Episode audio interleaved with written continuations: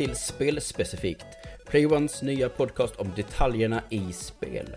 En podd som zoomar in på alla de där beståndsdelarna som gör våra spel till vad de är. Spelspecifikt handlar om att se det stora i det lilla. Jag heter Alexander Cederholm och jag kommer vara er återkommande värd för den här serien av program. Jag är också chefredaktör för PlayOne.se. Eh, jag har, under, jag har under en väldigt lång tid fascinerats av småsaker i spel. I, eh, I säkert uppemot 15 år har jag spanat in vissa spel enbart för att det hade något intressant koncept eller en spelan, äh, spelande, spännande spelmekanik. Köpte hur mycket Playstation 2-spel bara för att någonting verkade häftigt. Uh, spel som annars kanske är högst mediokra kan bära på hemligheter i form av nytänkande och i vissa fall vara långt före sin tid. Men spelspecifikt handlar inte strikt om specifika spel, utan vi kommer även tala om en rad olika spelmekaniker, system, koncept, speldesigner och mycket mer. Eh, vissa veckor som den här låter vi ett aktuellt spel inspirera grunden för en diskussion, medan vi under andra veckor låter ämnet vara helt i fokus. Vi får helt enkelt se från vecka till vecka. Eh, något som är säkert är att jag inte kommer vara ensam på den här nya podcastresan. Jag kommer såklart att få sällskap av mina olika kollegor här på Player One-redaktionen. Och först ut så har vi Andreas Söderberg, skribent på vår kära hemsida. Hej hej! Här hej är hej! här är du! jag. Yes. Välkommen till Spelspecifikt. Det här är premiäravsnittet till och med ju. Ja men det är väldigt spännande. Jag är väldigt eh, pepp faktiskt och det är också ett spännande, spännande ämne som vi har också att bjuda på just idag. Absolut. Uh, och du gör också din podcastdebut här på Player One också idag. För du var inte med under E3-spektaklet. Du skulle vara med. Jag skulle varit med under E3-spektaklet men jag fick lite tekniska problem som gjorde att jag inte kunde riktigt synka ihop mig med, med resten av gänget tyvärr. Nej. Så jag är ännu mer pepp idag. Ja. Dubbelpepp. Dubbelpepp. Dubbel. Uh, och det är bara du och jag här idag. Uh, och som sagt, jag har kallat dig idag för att du och jag har spelat samma spel. Stämmer bra. nämligen Concrete Genie ifrån den Mm. lilla spelstudion Pixel Opus. Det är ett uh, Playstation 4 exklusivt spel. Uh, och Andrea uh, står Mm. för sidans recension medan jag bara spelat det av egen fri vilja om man vill kalla det det. Men du har ändå haft kul med det, eller hur? Jag har haft superkul. Nej, nej, nej. Det har, varit en, det har varit faktiskt en fröjd att spela. Det har varit väldigt roligt. Och så här, Concrete Genie tror jag, jag har haft ögonen på det sedan eh, 2017 när det avslöjades på Paris Games Week. För Mm. många år sedan, eller två år sedan blir det ju. Och jag har alltid tyckt det såg spännande ut. Och det har alltid varit lite i våra banners och sådär. Det är min så här, min partiskhet som smyger igenom Mm. på sidan. Ehm, för att du, det är ett spel där du, som utspelar sig i en grådaskig småstad, en hamnstad, fiskestad va? Ja, precis. En fiskeby är det väl som de kallar den för, Mm, tror som jag. heter Denska. Där eh, grabben, vad är han, ung tonåring som heter Ash. Ja, han är väl 13 eller någonting skulle jag tro, ja. Precis. Ja, någonting sånt. Väldigt ung Mm. tonåring. Eh, som gillar att måla och teckna. I, eh, och han drar omkring i uh, Denskas hamnområden. Och det gör även Ja, ett litet gäng med ungdomsligister. ja, precis. Det är väl det man får kalla den för. Ja, Precis. delinquents Ja. Lymlar, ja precis. Och de är såklart också av mobbartyp och gillar inte Ash. Mm. Så att eh, spelet går ut på att egentligen göra det man ska göra, måla, vi kommer till det sen. Och samtidigt hålla sig undan ifrån mobbarna. Mm.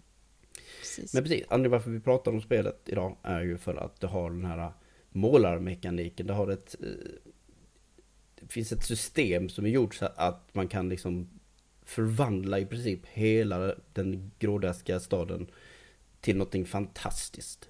Eh, Mm. Och det är ju såklart därför jag mina ögon har dragits till det under en lång tid. Jag vet inte, hur länge har du känt till spelet, Andrea?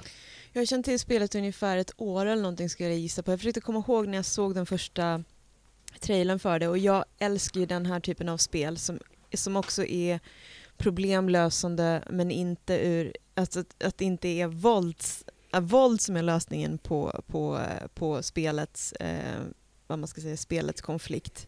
Utan att Ja. det finns någonting annat. Så när jag ser den här typen av spel så dra, dras mina ögon direkt till det.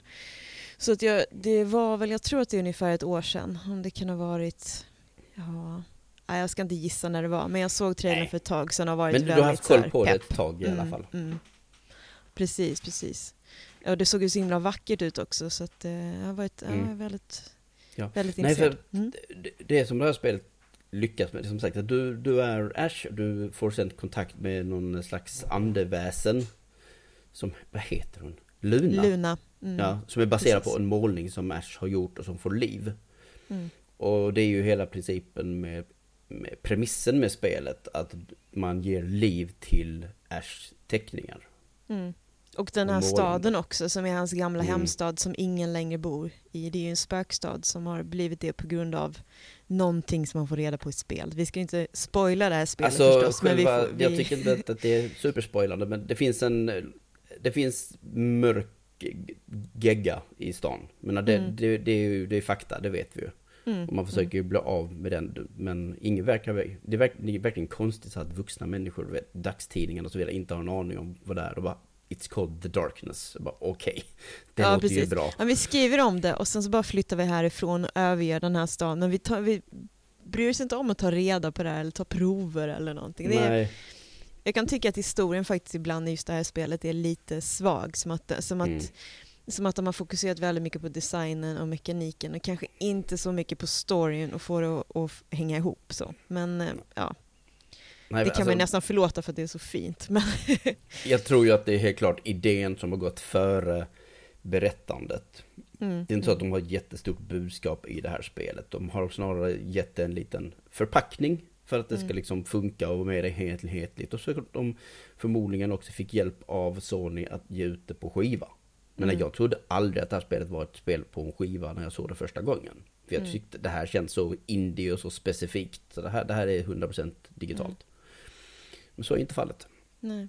Men det är ju det också att de använder, jag tror också precis som du säger att jag tror att de har ju, för det är väl nu, för Pixel Opus är ju någon typ av, eh, de är väl kopplade till Sony på något sätt? Att de är, Ja, de, de är säkert någon av sådana här, precis som eh, Giant Sparrow till exempel. Eller som That Game Company var. mm, Att de är förmodligen uppbackade av Sony. Som, för de, eh, Sony upp, backar upp studios, mindre studios och indies. ehm, bara för att, och ger dem så här kontrakt för, exempel Giant Sparrow i det här fallet, har ett kontrakt tror jag, på tre spel. mm, Som de ska göra, precis som That Game Company hade innan de sen slog, Mm. sig, slog sig fria. Ja, precis. Och det verkar också som att Sony gör så här med vissa små studier, att de tar de som är duktiga på någonting och sen så låter de, låter de, låter de den studion utforska ett, ett, ett, em, en viss aspekt av spelandet. Precis som de, eh, just Pixel Opus gjorde ett spel tidigare som hette Entwined, Mm. som, var, som också hade den här typen av lite mer eh, vad ska man säga, nyskapande kontroller och lite just den här indie-känslan. Så jag tror att, de, att Sony ger dem pengar för att se för att lite grann skaka i trädet och se vad som trillar ut. Vad är det som vi skulle kunna använda framåt också? Plus att de antagligen har väldigt bra pitchar åt dem också. Liksom Mm, att de mm. hör, vad har ni? Fast de just, de har fördelen att ha mer direktkontakt med kanske då Sony första part. Mm, mm. Ja, nej, eh, precis. Det här är ju det andra spelet ifrån Pixel Opus. Mm. Sen de gjorde Entwined som kom ut 2014 tror jag. Så att de har haft ett Ja. tag på sig. De har haft gott om tid på sig att göra det här spelet. Eh, det är väl en av de sakerna som jag kanske eh, tyckte var lite synd med just det här, att det var väldigt kort. Mm. Så det är ju samma sak igen, att de har fokuserat väldigt mycket på mekaniken och designen. Eh, Men, men fortfarande, här är fortfarande ett mera konkret paket. I Mm. Entwined så var ju allting väldigt, väldigt abstrakt. ja, Bara, bara typ två, en blå och en orange fågel typ kan man säga som liksom så här synka i rörelser och liknande. mm, mm. Just man använde eh, vänstra spaken till fisken om jag minns saken rätt och högra spaken till fågeln. Och så skulle Mm. man få synka dem och så här. Så att, eh, jag har inte spelat det själv så himla mycket men jag passade på och tittade på lite gameplay innan vi skulle ha den här, innan, i, faktiskt innan jag skulle recensera eh, Concrete Genie också just för att veta lite grann var de kommer ifrån också, själva studion. Mm. Och sen har vi då precis själva i huvudidén med Concrete Genie och det handlar om att måla på stadens väggar. Vi ska vara rätt tydliga med det. Det är faktiskt bara på alla väggarna som man kan måla. Alla, Mm. alla, alla vertikala ytor nästan. Mm. Ja. Eh, för på marken kan man inte måla, man kan inte måla på tak heller. Nej. och så vidare. Eh, Utan det är begränsat till alla kan man säga, alla canvasar som är vertikala är okej. Okay. Men det är väl lika bra egentligen, för det är det man tittar på, det är det som lyser emot den. Mm. Och de har gjort ett ruskigt smart system i det här spelet på något vis, tycker jag. Man vin den, även den som inte är så här superkonstnärligt lagd kan känna sig som ett riktigt proffs i mm. det här mm. spelet. Mm. Och det är inte bara det att man målar de här ytorna med, med olika motiv, för det gör man ju, det gör man ju jättemycket. Det är ju merparten av spelet, lejonparten ja. av spelet om man ska säga så. Men det är också det att man målar de här andarna som hjälper mm. en, som följer med en. Så man målar sina egna, eh, sina egna vad ska man säga, så här, hjälpsamma andar som följer med en och ska hjälpa mm. en med att måla och sådär. Och jag måste säga att det tycker jag också är helt fantastiskt. Att de, för, för att jag, jag målar och man får ett visst uppsättning av kroppar, öron, horn, svansar. Så man bygger ihop sin figur och sen så animeras den. Och det är jag mm. väldigt imponerad över, hur bra det funkar och hur bra det ser ut. Så um, har du dem i loggboken också, så att du kan liksom säga det här är mina. Uh, Ja. Eh, så jag, jag tyckte det var lite trevligt. Jag önskar jag kunde döpa dem i jag, spelet Jag också. med, absolut. Och jag kände att jag blev lite nästan sjukligt fäst vid de här andarna. Alltså framförallt en var som bara, ja ah, men titta så här, ah, men här, där är hon ju igen. Liksom att det verkligen blev som en, som en kompis i spelet och verkligen mm. en hjälpreda. Så, så att, uh, mm. Precis, de är väldigt uttrycksfulla och väldigt levande och som sagt allting som hamnar på väggarna som Ash målar med sin magiska pensel som han har fått av Luna.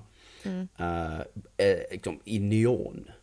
Mm. Allting är upplyst. Om det inte är neon så är det bara så här, allting känns som det är alla penseldrag, alla färger är upplysta. Mm. Uh, som om en lampa var på dem direkt. Mm. Är det bakom. Ja, de är lite självlysande nästan alltihopa. Mm. Just att, att om, man, om, man, om man målar fåglar eller fjärilar eller så. Det är mycket av dem som rör sig också. Om det är ja. träd så rör de sig i vinden. Uh, det finns ju en som är en av mina favoriter där man gör um, stora löv. Och då mm. om man får det att regna så tar andarna löven och använder dem som paraplyer. Lite så här min granne Totoro mm. callback. Mm. Så. På det sättet. Mm. Ja, de är lite åt det hållet, lite så här eh, i vildingarnas land Mm. Den typen av design. Lite, så här, lite småsöt, lite creepy. Beroende mm. på vem du är eller vad du vet om dem. om man man kan ju göra dem mer eller mindre creepy också. Det kan man ju. Uh, ja. De som man sätter den här svamphattan på, de blir ju inte creepy överhuvudtaget. Men uh, ja. ja. uh, har du spelat A Link Between Worlds?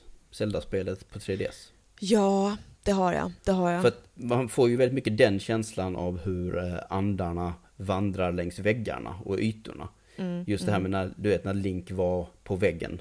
Mm, precis. Som en målning så är det liksom bara att man går runt hörn. De kan bara gå. Det finns ju lite pusslande också med det.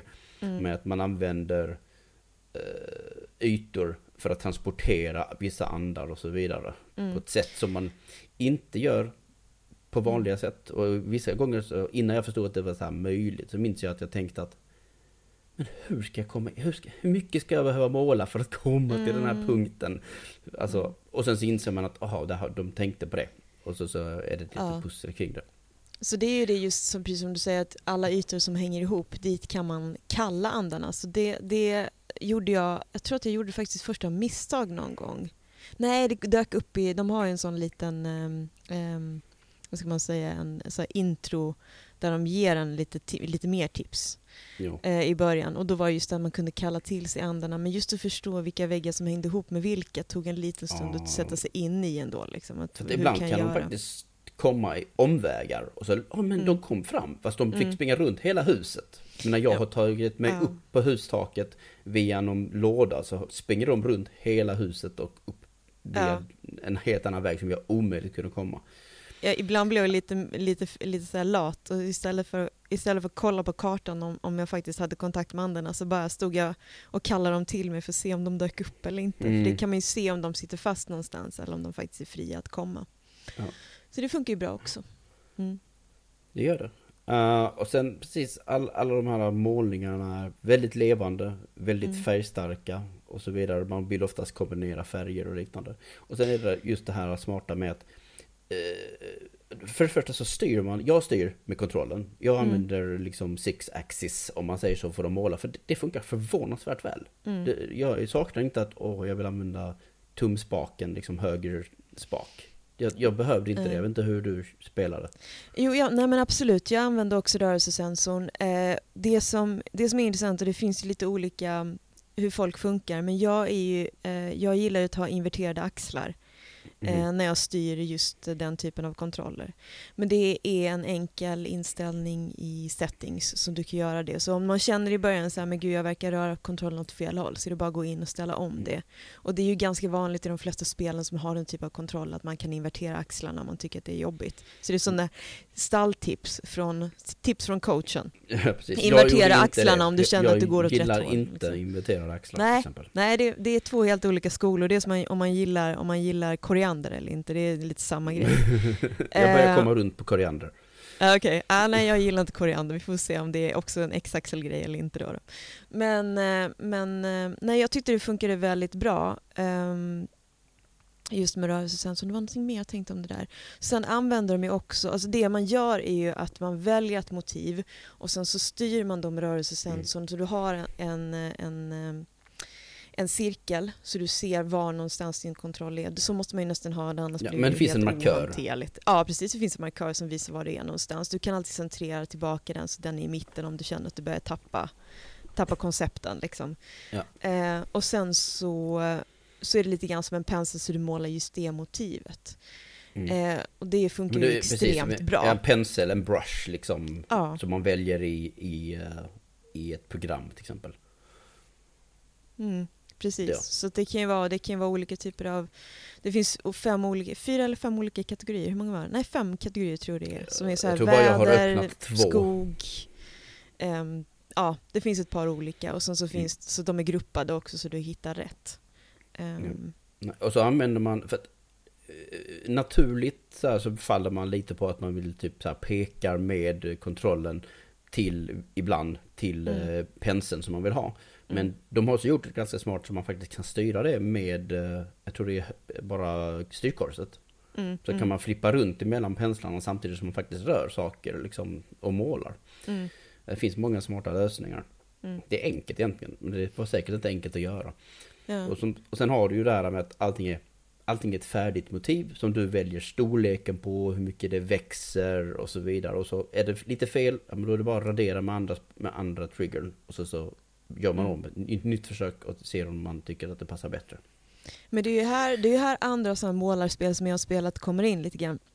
För att jag, i, i början så var jag ändå på spaken istället för att, att använda själva rörelsesensorn.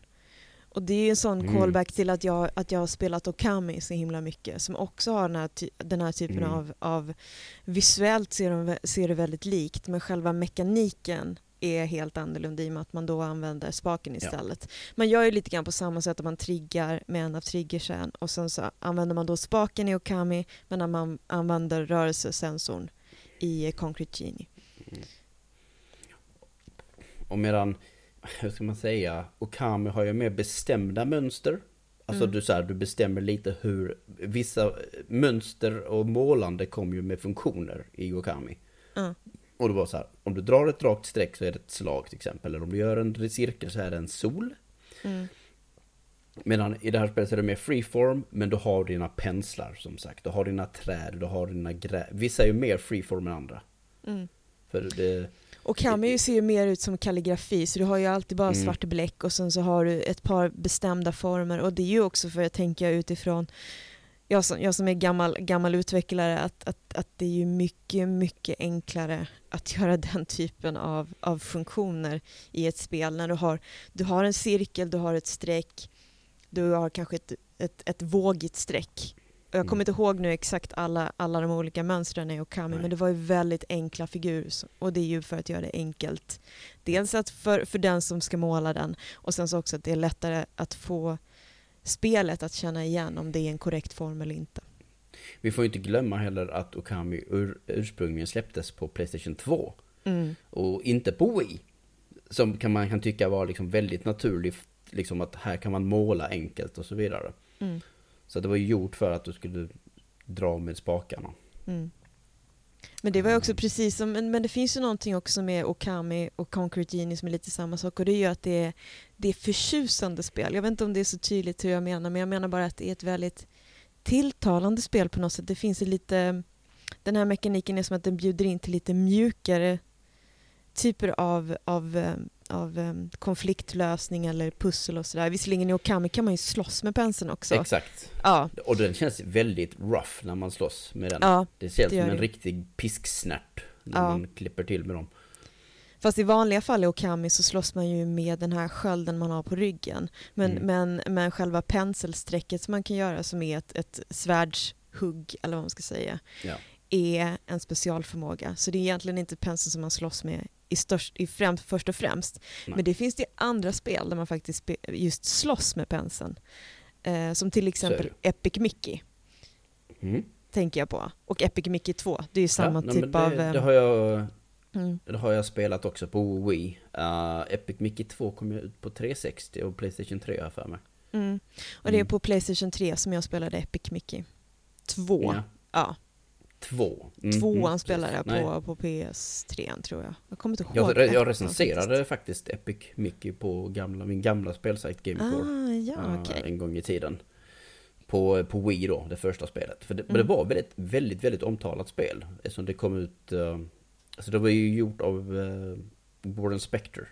Mm. Som eh, ligger bakom, eh, vad heter Deus Ex-serie, eller Deus Ex 1 i alla fall. Det kan man ju säga är två väldigt olika spelserier. Så Väldigt. åtminstone, åtminstone designmässigt, om man säger Mm. så. Mm. Men han var ett jättestort Disney-fan, så allting lät sig jättebra på pappret liksom. Och han hade så mycket Mm. planer och så vidare. Men det Mm. märks att det fick begränsas lite. Och så att valde Wii som plattform fick ju begränsa ytterligare. Mm. Så Warren, eh, eller Spectre och Junction Point som studion hette, de, de gjorde sitt bästa. Jag, jag tyckte Epic mycket hade charm, framförallt mycket charm. Sen så var det lite clunky till och från. Mm. Men just målandet. Mm. eh, hur ska vi beskriva målandet i Epic Mickey? Det är ganska... Ja. Det är binärt. Ja det är det. det, är det. Och det, det som man gör är att man fyller, man, man, har den här, man har också en magisk pensel, det är som det är återkommande. Mm. Men, men att man fyller den med bläck och sen så fyller man figurer så man ser någon typ av nästan som genomskinlig outline av objekt och de fyller man med det här magiska bläcket och då så får de liv, form, kommer tillbaka in i existens eller någonting. Mm. Ehm, Jag tror det är det bläck eller målarfärg? Det, det är nog målarfärg för jag tror att det är Ja. målarpyxar som man hämtar upp eller någonting Ja, som för sen har du motparten som är Tinner.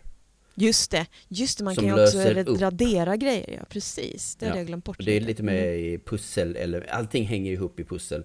Men som du säger, jag, jag störde mig lite på just det här som du säger, att man ser outlinen. Mm. För då vet man om att ja, ja, det där är en plats där jag kan fylla igen liksom.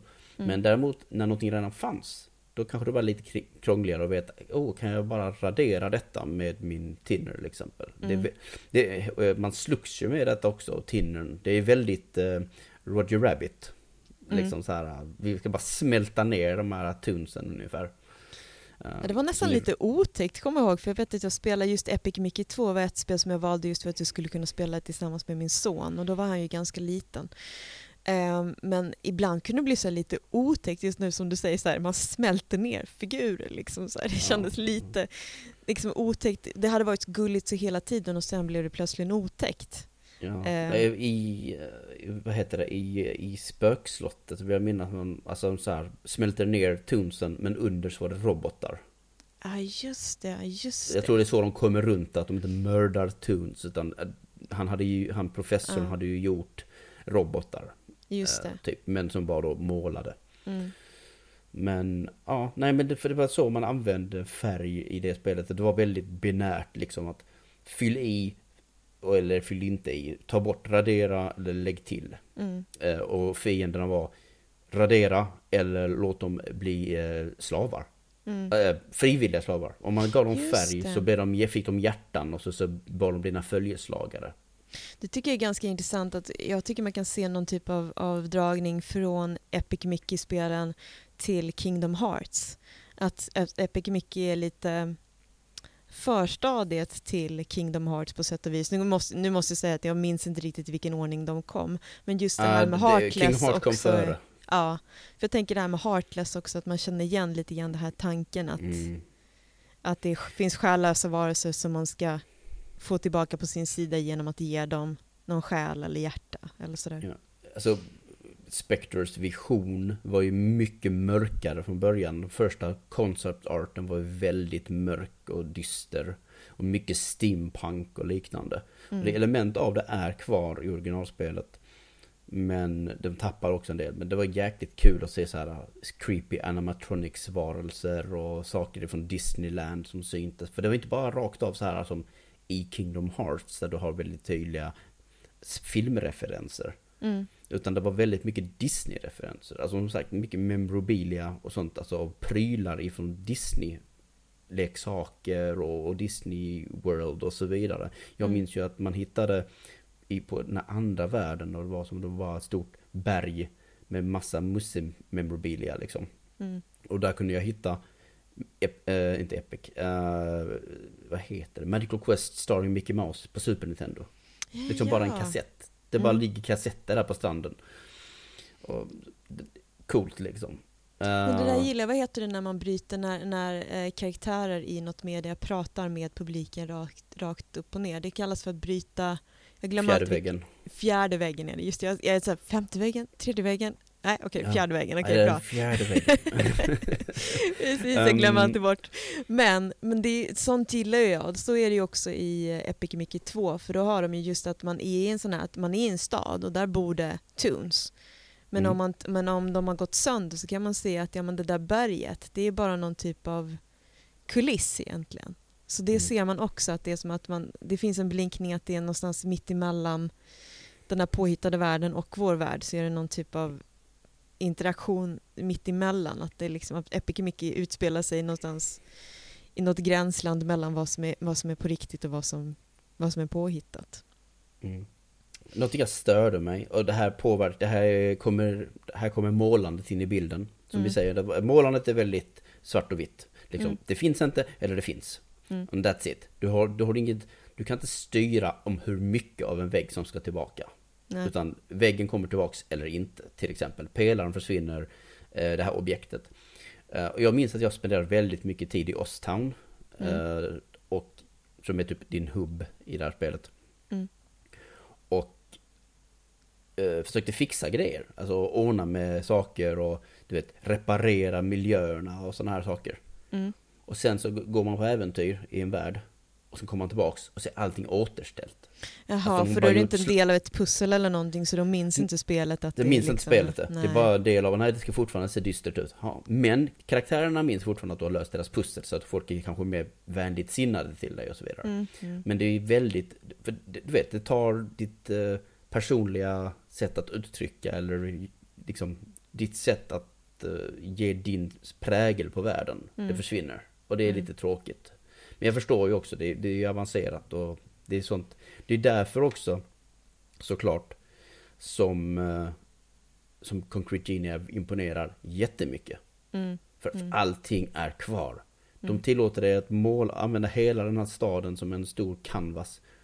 Och det är där, hela Mm. tiden. I alla fall så länge jag har spelat vid det här laget liksom. Ja, det absolut. finns där. Mm. Ja. Men, men det jag tänker också med Concrete Genie, för att koppla tillbaka till det, är ju att, att, eh, att jag måste faktiskt säga att jag blev trött på målandet efter ett tag, för att jag slängde Mm. mig in i det med sån själ och hjärta och gjorde världens målningar i början. Mm. Och sen så började det liksom bli lite så här att det hände inte så mycket storymässigt. Så då började Mm. jag mercha på så att, så att plötsligt blev, så plötsligt var det så här, "Ah, men jag drar väl några stjärnor över den här väggen och så kommer vidare någon Mm. gång. Liksom, att jag blev lite trött på det. Men sen så händer det Ja. någonting, vad ska man säga, kanske två tredjedelar in i spelet eller någonting som gör att plötsligt så förändras hela mekaniken. Eller eh, mekaniken förändras inte, men det läggs på ett helt nytt Ett moment. lager. Ja, så, och Mm. som kom ganska plötsligt. Ehm, som, Okej. Eller så tyckte jag i alla fall, att det kom ganska plötsligt. Det var plötsligt en helt annan feeling på hela spelet. Som hur du skulle använda just penseln och sådana saker. Eh, och eh, jag hade kunnat tänka mig att jag skulle kunna få den möjligheten mycket tidigare. Så att man skulle bygga upp ditt crescendo istället Mm. för att det skulle flippa på det sättet som det gjorde. Nu kan jag förstå utifrån storymässigt att det kanske var så det behövde vara. Men jag hade gärna fått lite mer av det där tidigare just för att det skulle vara bättre pacing i själva spelet. För jag tyckte det, att den svackade lite grann i mitten innan man fick den nya funktionaliteten. Ehm, Ett litet tillkortakommande som jag kände av Mm. i början. Det var att jag hade för lite, eh, eh, vad kallar vi det? Vi? Motiv. Paintbrushes? Eh, målarborst. Ja. ja, motiv, låt oss kalla det motiv. Jag hade för lite motiv, för jag kände liksom att "Nej, men jag har de här, jag har de här två, jag har eh, eh, maskrosor och jag har de här tulpanerna och jag har gräset och jag har en viss Mm. typ av träd, två typer av träd och så vidare. Någonting. Och så kändes det som att den första ytan blev väldigt identisk hela tiden, även om jag Mm. kunde vän- variera den och så. Vill jag ha fler exempel på eh, solar eller eldsvåd, eller eldsvåd, det låter hemskt. Eh, de kallar det lägereldar just det. Mm. eh, som lyser upp miljön mer och så vidare. Ehm, och man behöver liksom avancera djupare in i världen. Så att jag skulle nästan säga att det bästa är kanske att du vet, göra minsta möjliga, för det handlar om, Mm. spelet går ut på att man ska tända husfasader och det finns lampor längs fasaderna Mm. och de ska tändas. Mm. Och när man gjort det så har man liksom uppfyllt sitt krav. Jag förklarar för folket där hemma som lyssnar. Mm. Eh, jag skulle nästan rekommendera att man kanske gör the bare minimum i början.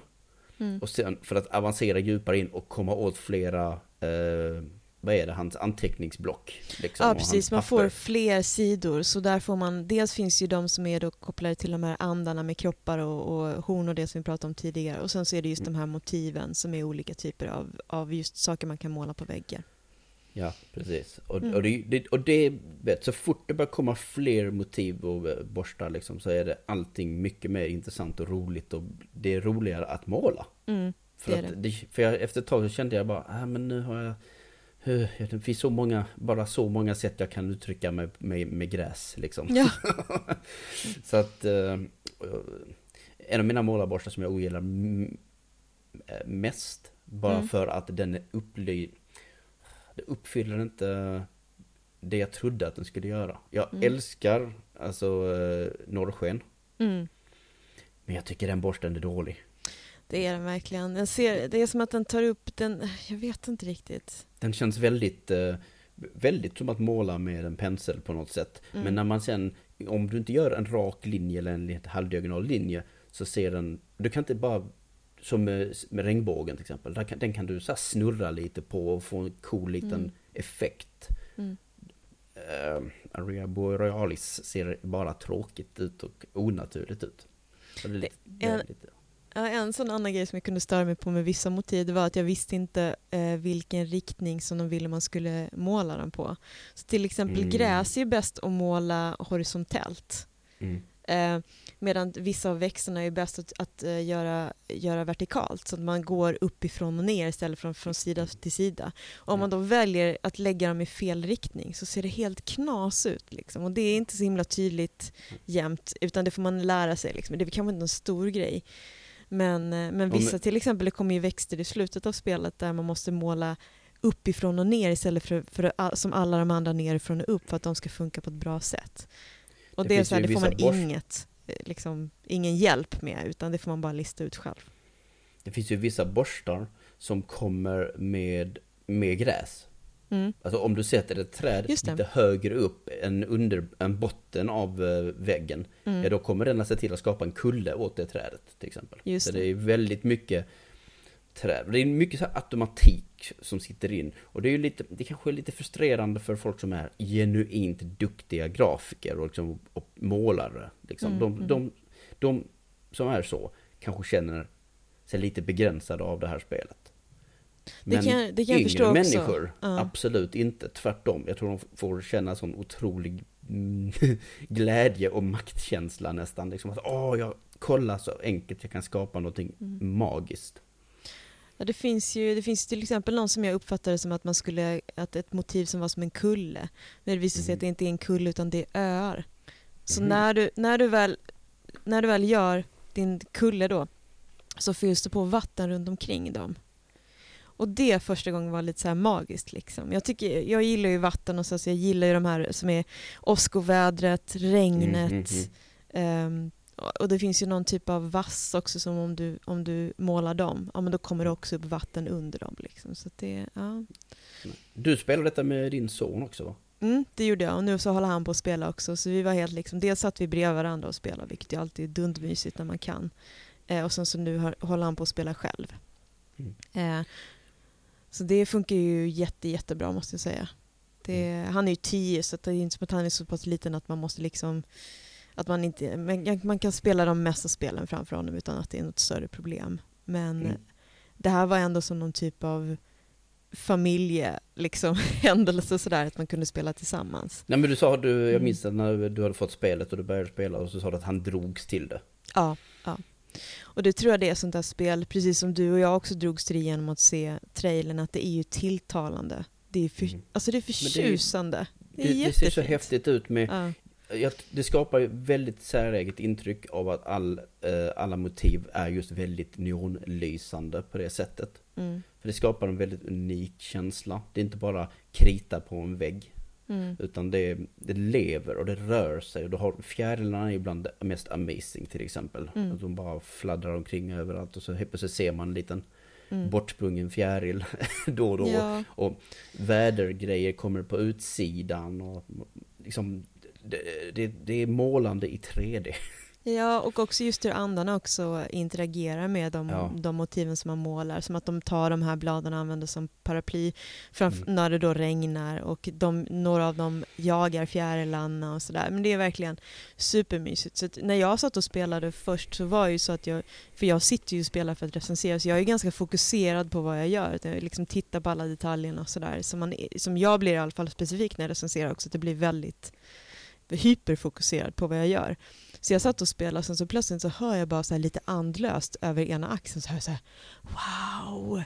Då är, det, då är det min son som har liksom smygit upp och blivit ja, men så här, nästan, nästan hypnotiserad över hur fint det är. Ja, Ja, precis. precis. Och sen satt han med mig resten av kvällen liksom, och bara var så här, ja, men kan vi inte, oh, kan du inte måla en sol här eller kan vi inte, Mm. mer fjärilar eller vad det nu Ja. kunde vara. Solen är jag som jag älskar att göra solen. Ja, Jag måste hå- hålla mig tillbaka. För som jag säger, jag älskar allting som lyser upp väldigt mycket. mm.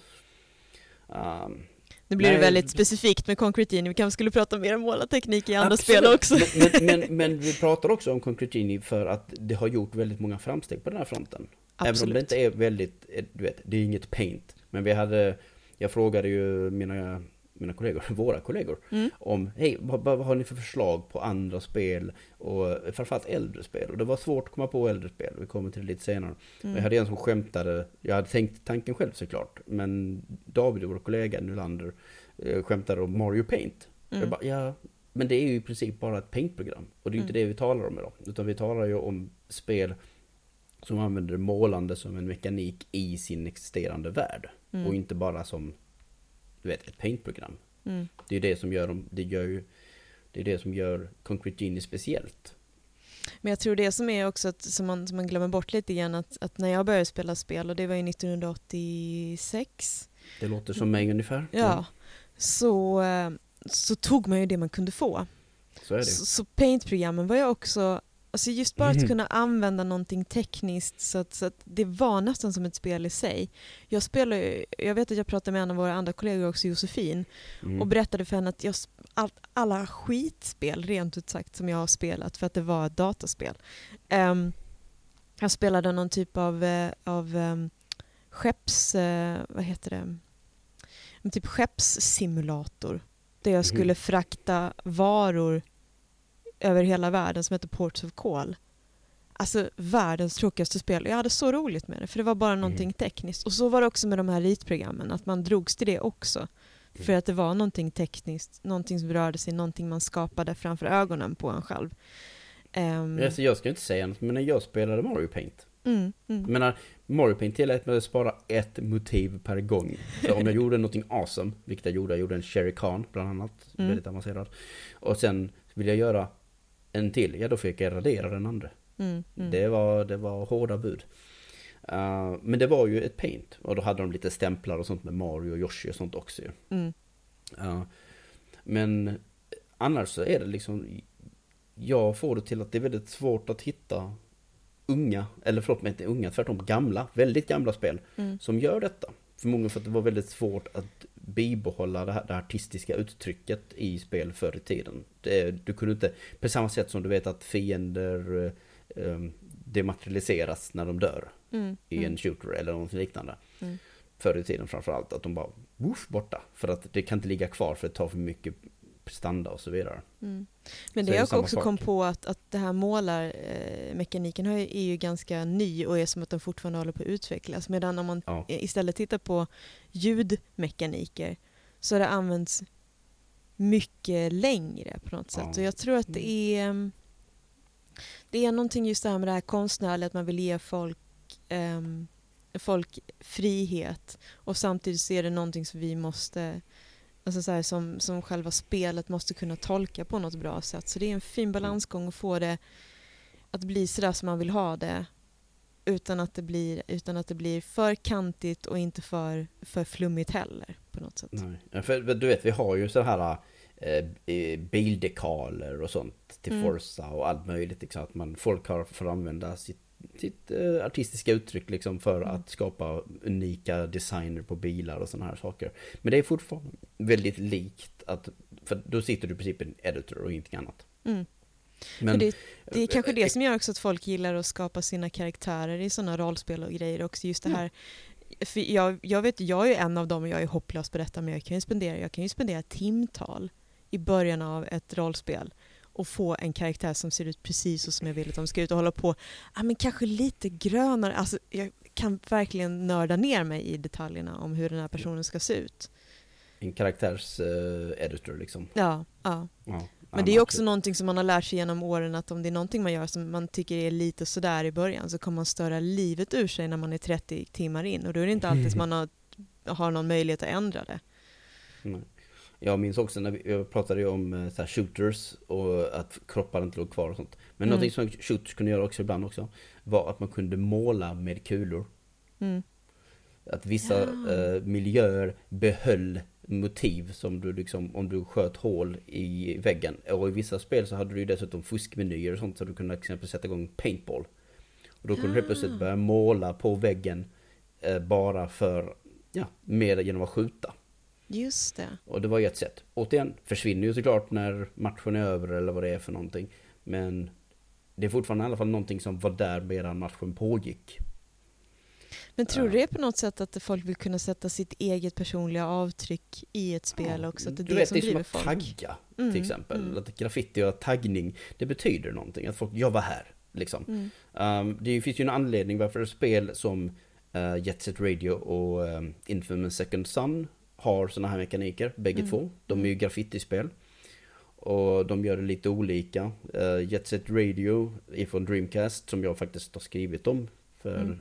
uh, en vecka, två veckor sedan.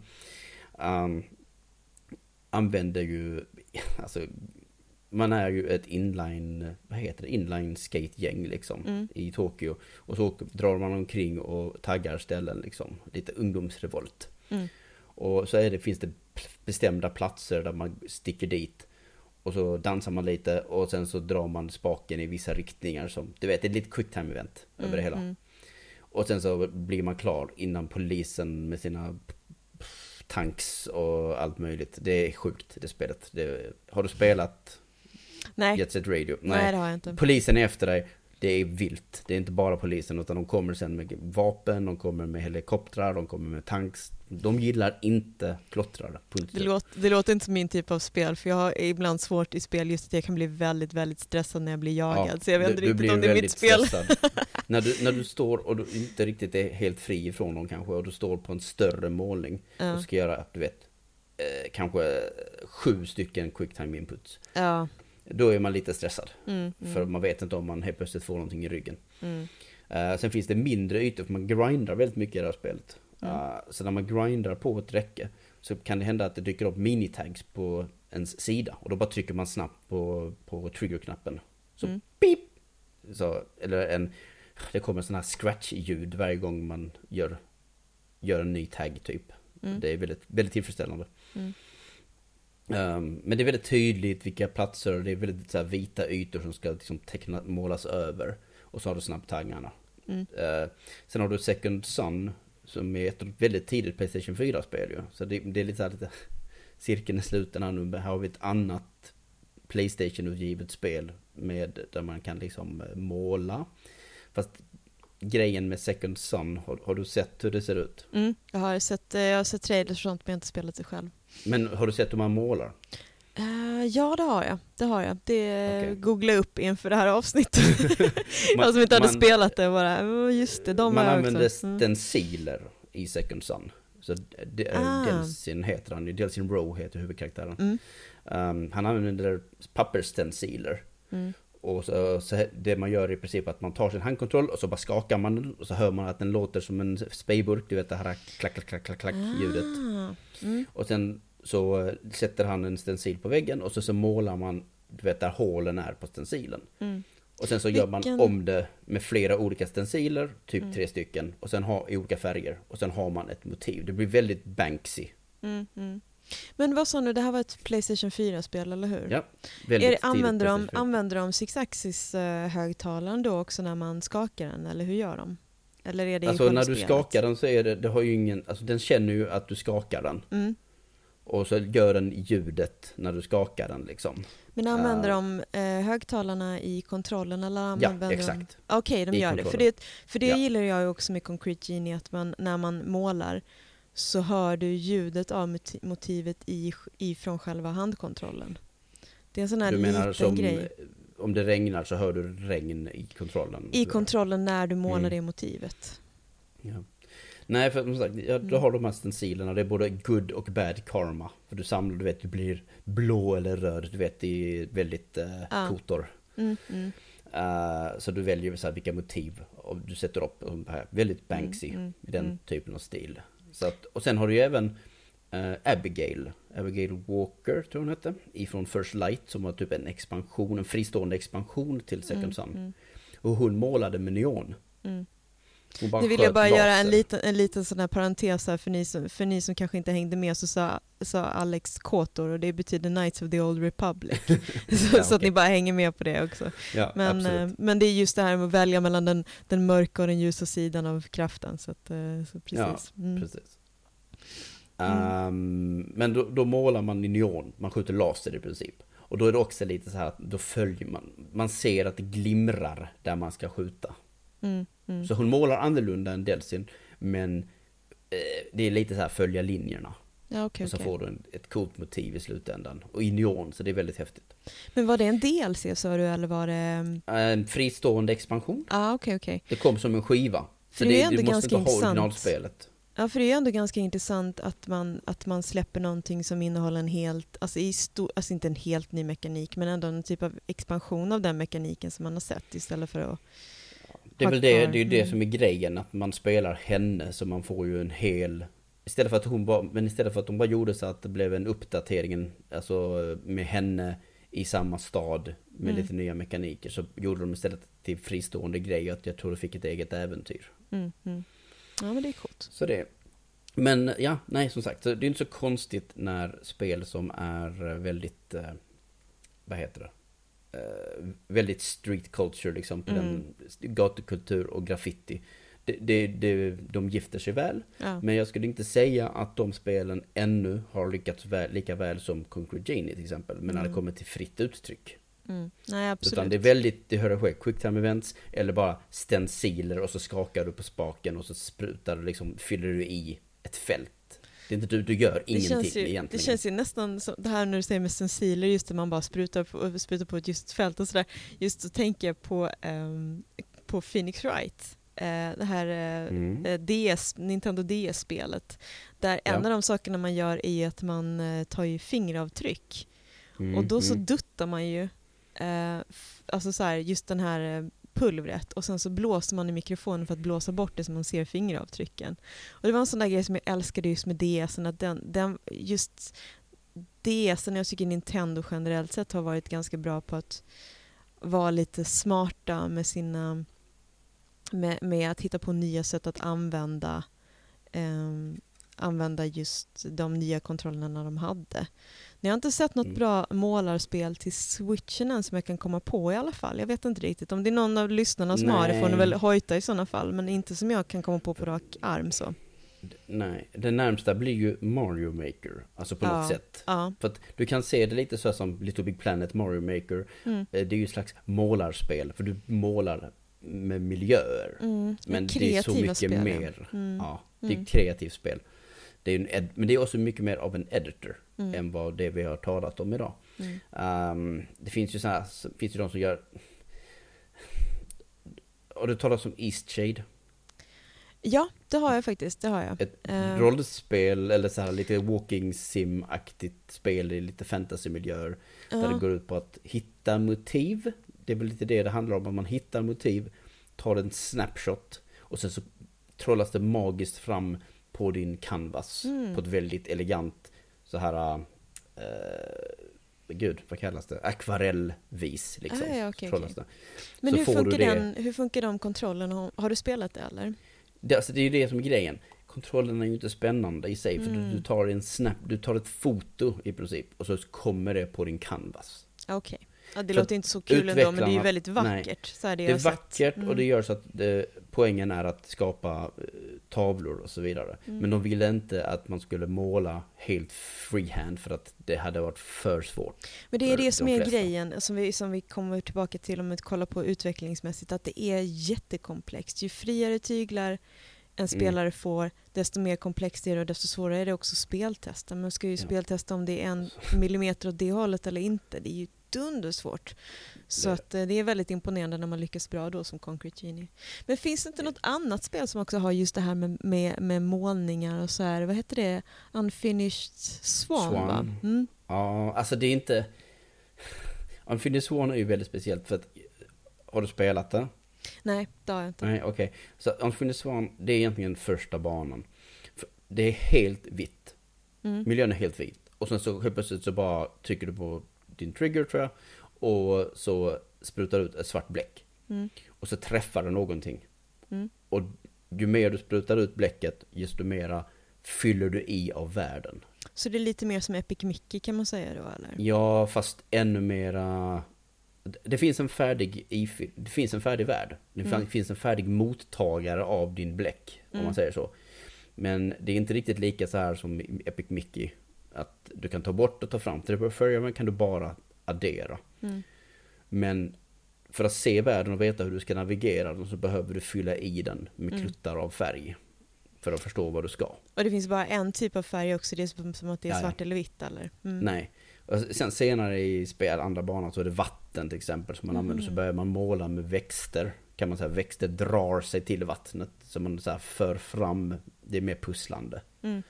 Jag ska, det är en typ av målande, men det är mycket mer att fylla i fälten än någonting annat. Men det är väldigt speciellt. Det betyder Mm. inte att det inte är värt att ha den upplevelsen. Jag tycker Unfinished Swan är amazing. Mm. Gjort av eh, Giant Sparrow, som vi pratade ja. om tidigare idag. Ja, titta, cirkeln är sluten. Men vad Mm. bra.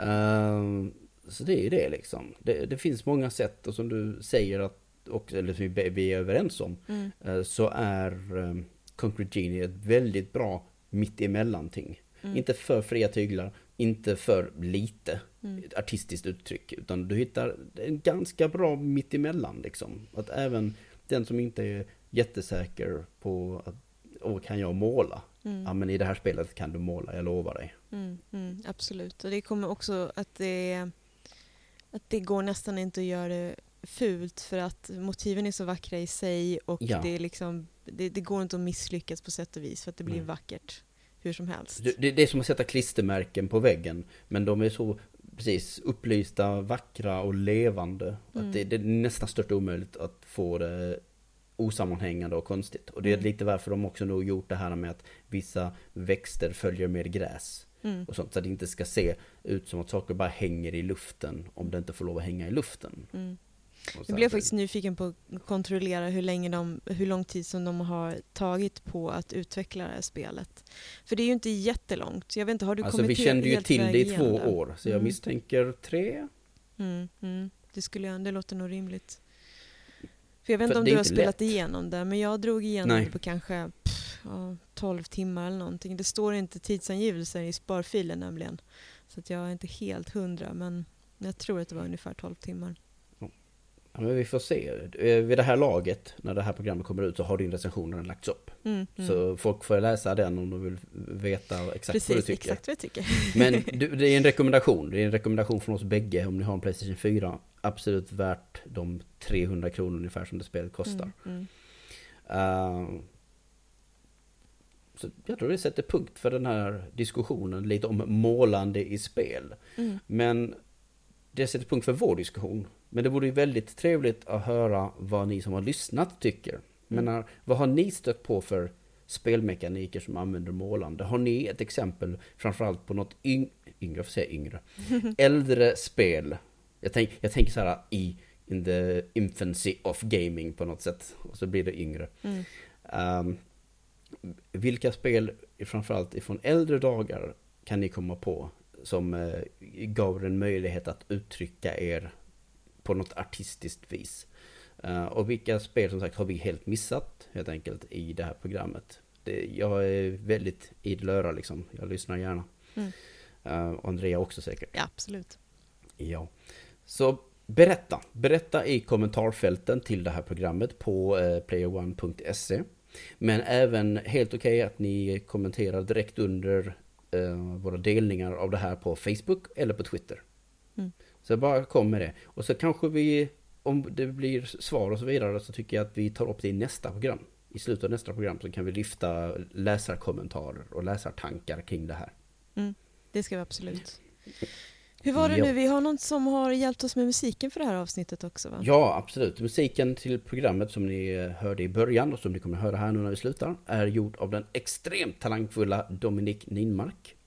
Eh, Dominic har gjort musik till spel som Strikey Sisters, som ni kanske känner till, Rival Megagun, som jag faktiskt eh, recenserade för ett år sedan, och eh, Blazing Chrome, som, vi släppte, som släpptes i Oh. somras. Mm, spännande. Mm. Och den som har så allmänt sug efter Eurobeat remixer har också ganska mycket att hämta om man vill lyssna på Dominics musik. Eh, ni hittar honom på Dominic understreck Ninmark på Twitter och det är Dominic med ett C. Och Ninmark som sagt. Så Dominic understreck Ninmark och även som Dominic Ninmark på YouTube. Mm. Så stick iväg och lyssna på hans musik. Mm. Ehm, och för vår del såklart, hej, ni har ju lyssnat på en podd ifrån podcastfeeden uh, Player One presenterar. Och det är ju en del av playerone.se, playerone.se. Eh, vi finns då även på Facebook. eh, på, vad heter vi där? Player, vad heter playerone.se?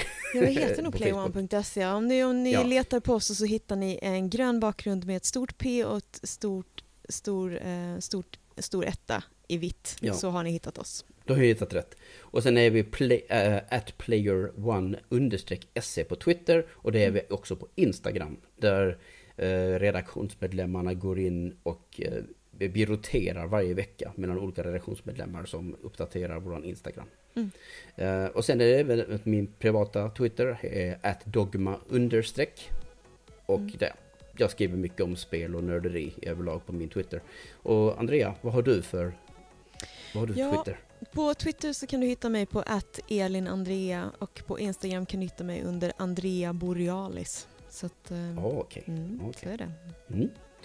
Så det var det, jag tror det var det. Som sagt, eh, tack till alla som har lyssnat på detta premiärprogram av eh, Spelspecifikt här på Player One presenterar feeden. Och det är en feed som ni hittar så gott som överallt vid det här laget. Eh, vi har ju lagt upp en uh, fyra serie podcast som hette Den stora E3-podden i somras. Och det är det enda som finns än så länge i feeden. Men nu börjar Spelspecifikt och ni hittar oss på Stitcher, Apple Podcaster, Google Podcast, Podbean, Anchor, Overcast. En hel del ställen. Uh, Anchor är även för övrigt en plats där vi lägger upp våra saker. Så man har lite mer, man kan kommentera och lite andra grejer direkt till programmen om man känner för det, om man är, har Anchor. Och om det är någon som lyssnar nu eller som tycker att vi borde finnas på någon annan kanal så hojta gärna till oss så kan vi se vad vi kan göra med Mm. det också så att alla kommer åt oss. Så vi får world domination så fort som möjligt. All base are belong to us. Alright, jättebra. Tack så mycket Andrea för att du vill vara med och prata här i premiäravsnittet och spelspecifikt. Tack så hemskt mycket själv. Ja, vi får väl höras, eh, eller vi får se när vi pratar nästa gång. Och uh, emellan där så blir det kanske andra uh, kollegor som sagt. Yes. Ja, alright. Så beroende på vem vi kommer möta i nästa skärm, det vet jag inte själv ännu, så får vi väl se. Ja. Vi hörs nästa vecka och glöm aldrig heller att se och uppskatta det stora i det lilla.